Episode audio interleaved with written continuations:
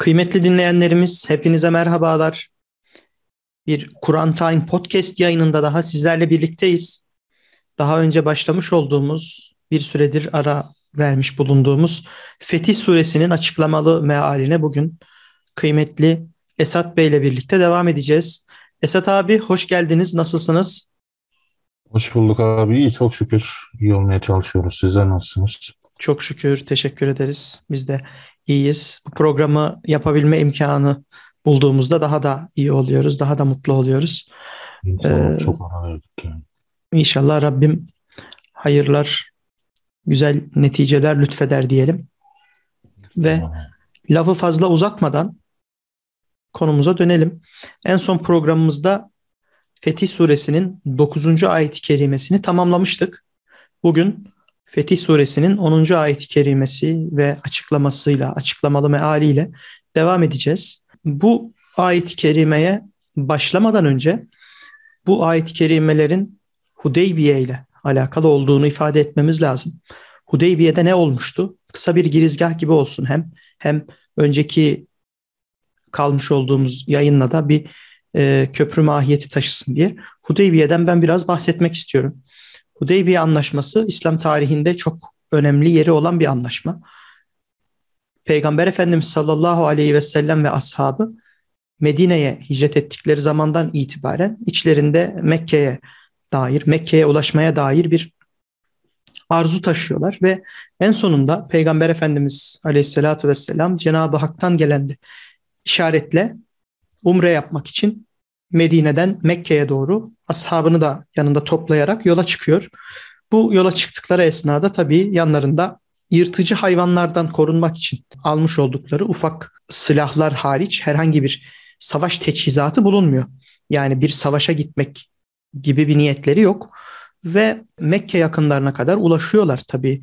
Hem ashab hem Allah Resulü çok heyecanlılar. Mekke'den Medine'ye göçmüş olanlar uzun süreden uzun süredir Mekke'ye gitmemiş, o kendi topraklarına ulaşamamış olmalarının da verdiği bir e, heyecan var.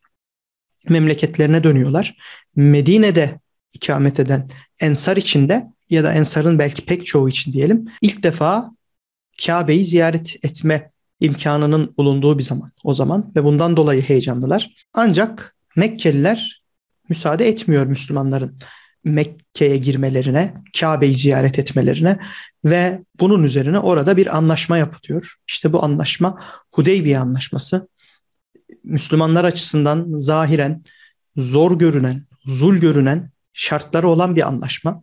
Müslümanların ilk etapta kabullenmekte zorlandıkları bir anlaşma. Fakat yıllar geçtikçe o anlaşmanın Müslümanlar için ne kadar kıymetli ve Müslümanların yararına bir anlaşma olduğu da ortaya çıkıyor. Kısaca Hudeybiye anlaşmasından, Hudeybiye'deki o ortamdan bahsettikten sonra ayet-i kerimelerin mealini okuyarak başlayalım isterseniz. Sonrasında da ben sözü size bırakacağım.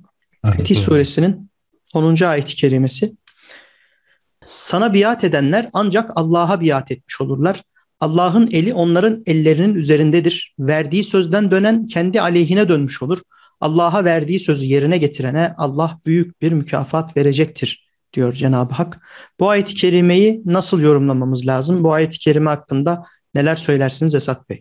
Abi buradaki öncelikle e, Arapça ibarelerinden de ufak ufak alıntılar yapmış olan çünkü Kur'an okurken o manalar da inşallah zihinlerde canlanır. Burada ayet innellezine yubeyyuneke illa diye başlıyor ya oradaki inne edatı önemli bir edat. Yani muhakkak ki demek. Kesinlikle demek. Çok ciddi bir vurgudur hiç tartışmasız bir gerçeği ifade eder. Kesin net bir şeyi ifade eder yani. İnnellezine yubeyyuneke yani sana biat edenler muhakkak ki sana söz verenler, seninle bir sözleşme yapanlar Allah ile sözleşme yaptırmışlardır veya ona biat etmişler demektir. Bu kesinlikle böyledir yani. Bu hiç tartışmasız yoruma kapalı bir gerçektir.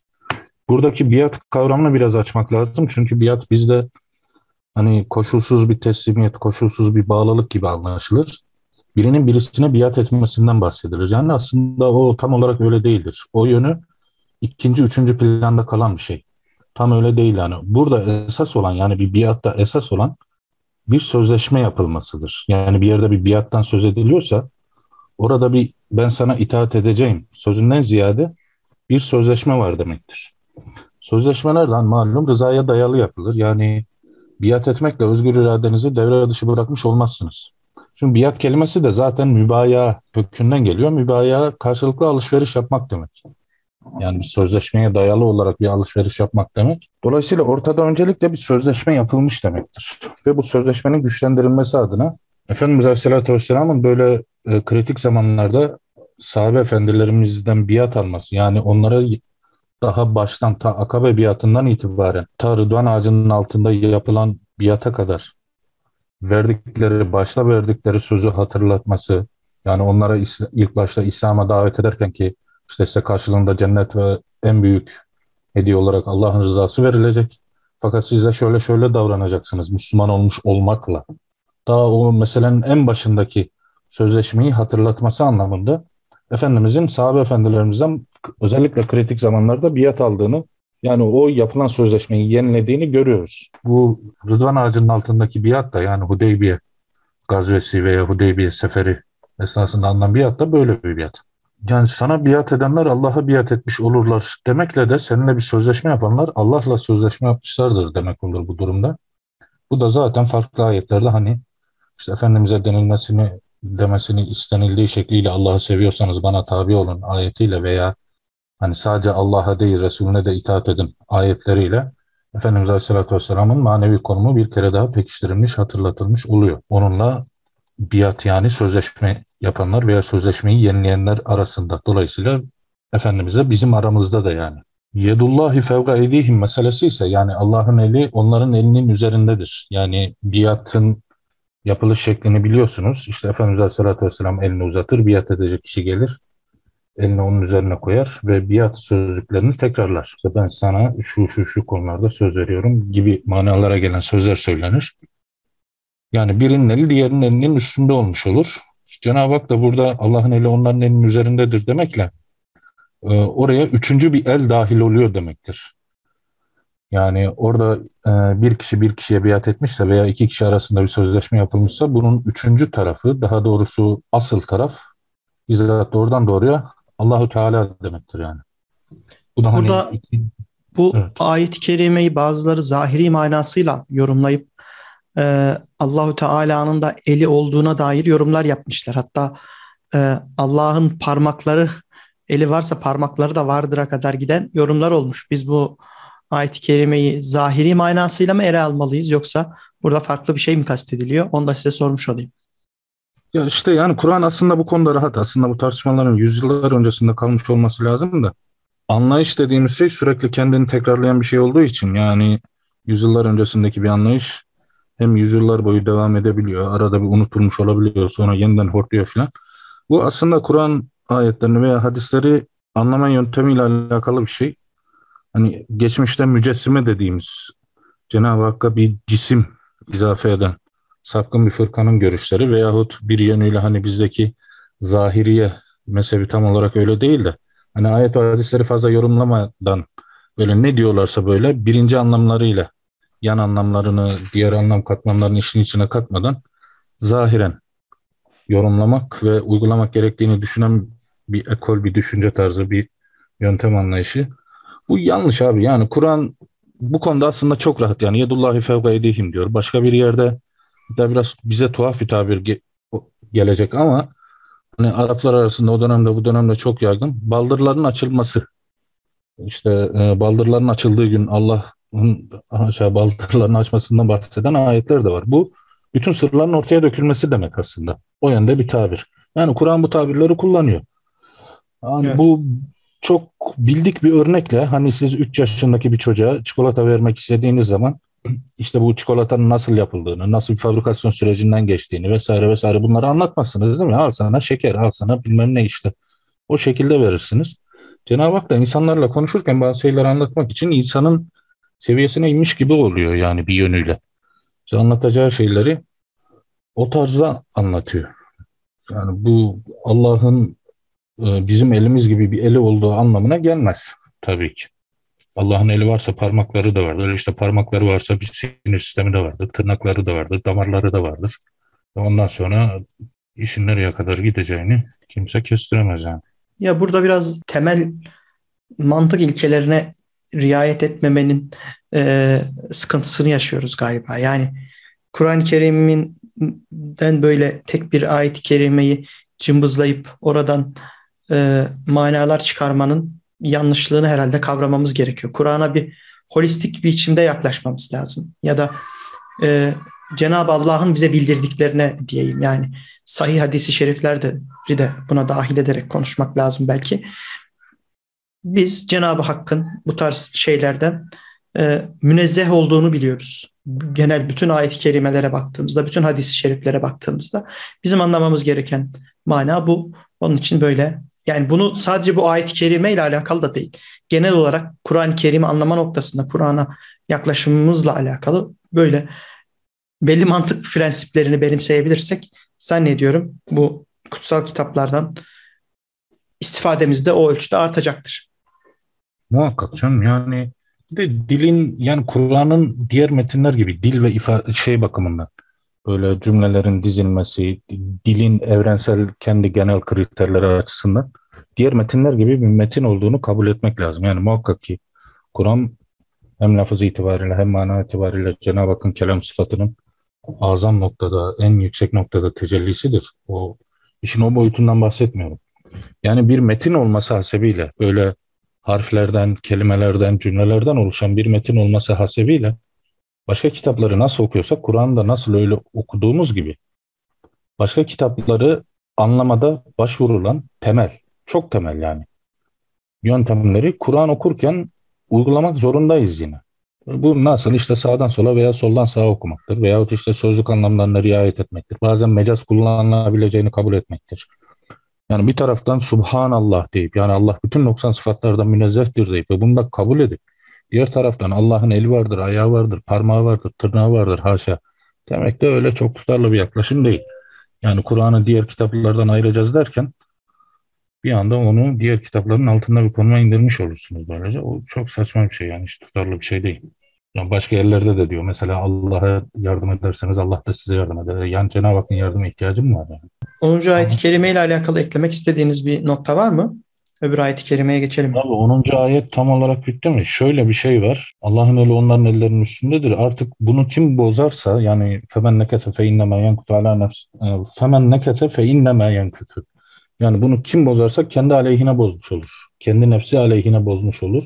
Ee, yani yapılan sözleşmeyi kim ihlal ederse burada onun asıl zararı kendisinedir. Yani Allah ve Resulüne kimse bir zarar vermiş olamaz. Bu menefe bima aleyhullah.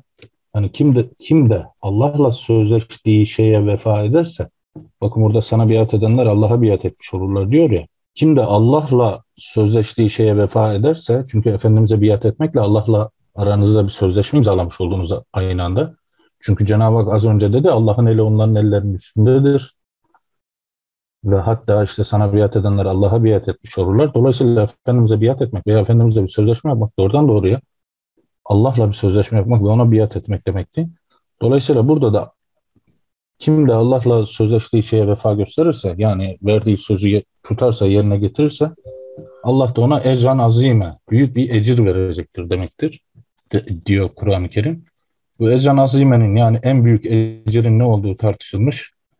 İşte en geçerli görüşte böyle Allah'ın mahşerde sorgu suali hafif tutması ve sonunda insanı bağışlaması olarak gösterilmiş. Tabii bunu herkes kendi duygu ve düşünce dünyası açısından en büyük ecrin başka bir şey olduğunu düşünebilir. bir de şu önemli, e, hani bu biat ve sözleşme meselesi, alimler peygamberlerin Efendimizin Aleyhisselatü Vesselam e, doğrudan onun varisleri olması hasebiyle nasıl diyelim, şöyle diyelim, yani Kur'an ve sünnete uygun yaşadığını, uygun düşündüğünü, uygun konuştuğunu düşündüğünüz işte bir şey, hatta bir komutan, bir lider, bir alim, bir mürşit, bir hoca fark etmez. Onlarla bir biat veya beyat anlaşması da yapabilirsiniz. Hatta eğer bir grup aidiyetiniz varsa zaten böyle bir şey yapmışsınız demektir. Yani herhangi bir grup, herhangi bir tarikat, herhangi bir mezhep aidiyetiniz varsa. Ama hakikaten Allah ve ahiret gününü düşünerek samimi bir beyat anlaşması yapmış olduğunuzu fark etmeniz gerekiyor yani. Böyle bir anlaşma yapabilirsiniz. Bunun hiçbir mahsuru yok.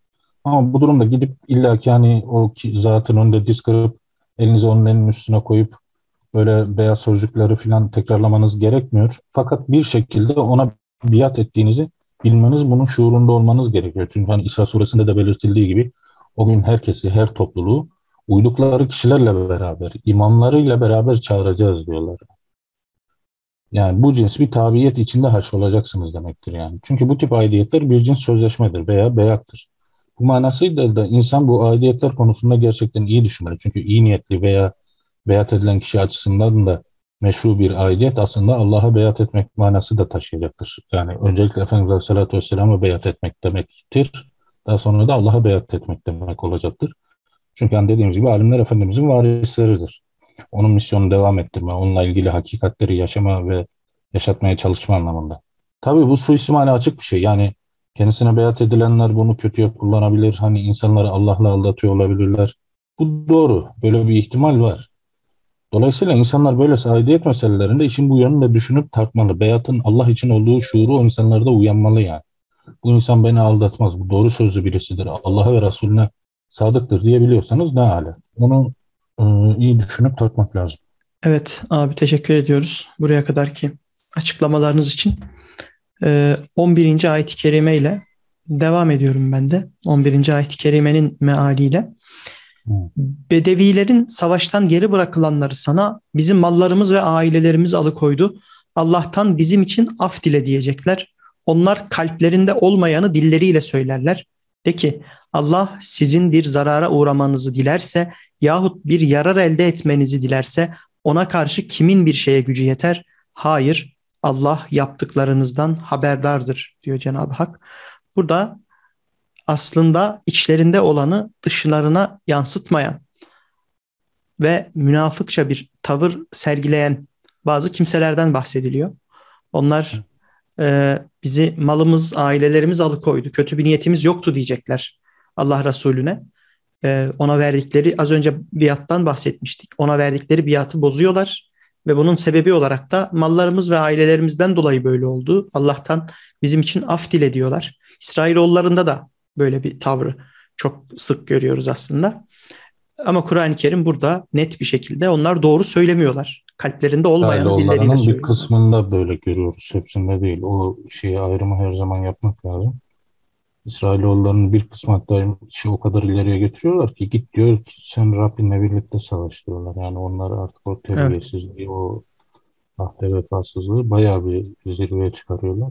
Evet. İsrailoğullarının bazı kimselerin ta, tabii dediğiniz gibi yanlış anlaşılmaya mahal vermeyelim. Cümle o şekilde kurulmuş. Düzeltmiş olalım dediğiniz gibi. İsrailoğullarının içindeki bazı gruplar sık sık buradaki tavra benzer tavırlar sergiliyorlar dediğiniz gibi. Ee, bu ayet-i kerimeyi nasıl izah etmek istersiniz? Neler söylemek istersiniz? Burada benim şahsen ilk dikkatimi çeken şey sana şöyle şöyle diyecekler ibaresi. Yani bir gelecekten haber verme var. Çünkü biliyorsunuz bu Fetih suresi tek bir seferde, ayet ayet değil tek bir seferde Hudeybiye anlaşması bitmiş, Medine'ye geri dönüş başlamış ve o esnada yolda nazil olan bir sure. Hatta Efendimiz Aleyhisselatü Vesselam üzerinde fiziki olarak yani biyolojik olarak vahiy inme emareleri görününce o etraftakiler anlıyorlar yani Efendimiz'e bazı biyolojik değişiklikler de oluyor. İşte kendi, bazen kendisini kasıyor, bazen kızarıyor veya işte böyle e, hani böyle soğuktan üşümüş gibi büzülüyor filan. Hazreti Ömer hatta bu esnada oradan uzaklaşıyor böyle. Çünkü hani Efendimiz'e böyle e, gayri ihtiyari itiraz olarak değerlendirilebilecek birkaç sözü de var ya. Ya Resulallah işte biz şerefli ve izzetli değil miyiz Müslüman olmakla? Biz niye onlarla anlaşma yaptık da geri adım attık? Manasına gelebilecek şeyler söylüyor. O esnada vahiy indiğini görünce, anlayınca yani Hazreti Ömer oradan uzaklaşıyor yani. Beni böyle kötüleyecek bir ayet inme korkusuyla. Yani ayet sonuçta Medine'ye dönme yolunda. Yani daha Medine'ye varılmamış. İşte Bedeviler Efendimizin karşısına çıkıp yani bazı Bedeviler Efendimizin karşısına çıkıp belli mazeretler ileri sürmemiş daha. Fakat ayet diyor ki sana böyle böyle diyecekler. Yani belli yani. Kimin ne olduğu çok net belli. Bedevilerden geri kalanlar yani seninle birlikte sefere çıkmayanlar halbuki onlar daha başlangıçta İslam'a girmeden önce sana söz vermişlerdi. Yani sana beyat etmişlerdi. Yani seninle bir sözleşme yapmışlardı. Ve her durumda özellikle böyle kritik zamanlarda senin yanında yer alacaklardı. Ama bunlar senin yanında yer alan adamlar değil. Zaten sözleşmeyi bozmuşlar. Biatlarını zaten bozmuş olanlar yani. E sana diyecekler ki ya biz gelemedik ama bizi geri koyan şey mallarımız ve ailelerimizdi. Aslında öyle değil. Bizim için istiğfar et, Allah'tan af dile diyecekler. Bunlar kalplerinde olmayan şeyi dilleriyle söylerler. Sen de ki işte Allah size bir zarar yahut bir fayda dilerse e, onun bir dileğinden onu engelleyecek hiçbir şey yok. Allah yaptığınız şeylerden haberdardır. Yani burada üstü kapalı olarak açık bir şekilde hayır arkadaş siz münafıksınız. Allah sizin belanızı versin. Siz sözünüzden döndünüz hadi cezalandırıyoruz diye bir şey de yok. İşin o yönü de önemli. Fakat onlara üstü kapalı olarak siz yalan söylüyorsunuz. Ben sizin için istiğfar da etmiyorum. Allah size bir zarar yahut bir fayda dilemişse e, ben onlardan herhangi birisini gerçekleştirmesi için dua etmiyorum da demek bu. Etmeyeceğim de demek. Hatta Efendimiz'e böyle dua etme de demek. Sen de ki diyor çünkü. E, bu manaları anlıyoruz açık bir şekilde. Burada şunu da e, anlamamız gerekiyor ya da manayı daha iyi kavramak için bilmemiz gerekiyor sanırım. Burada mesele verilen sözü tutmamak zannediyorum. Yani o anlaşmaya uymamak ve bunu yaparken de bir sonraki ayet-i kerimede de açıklanacak sanıyorum. E, iyi bir niyet taşımamak. Yoksa mesela e, Hazreti Osman Hülefai Raşidinden Bedir Savaşı'na katılmıyor mesela.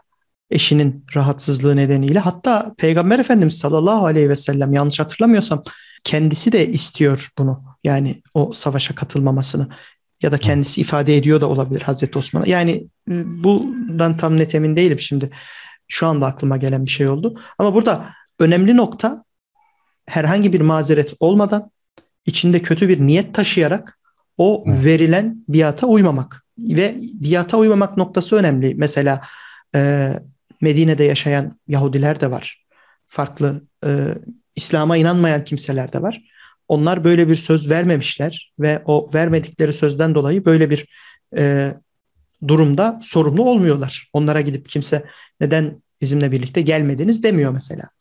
E, burada nokta o biatı bozmak zannediyorum.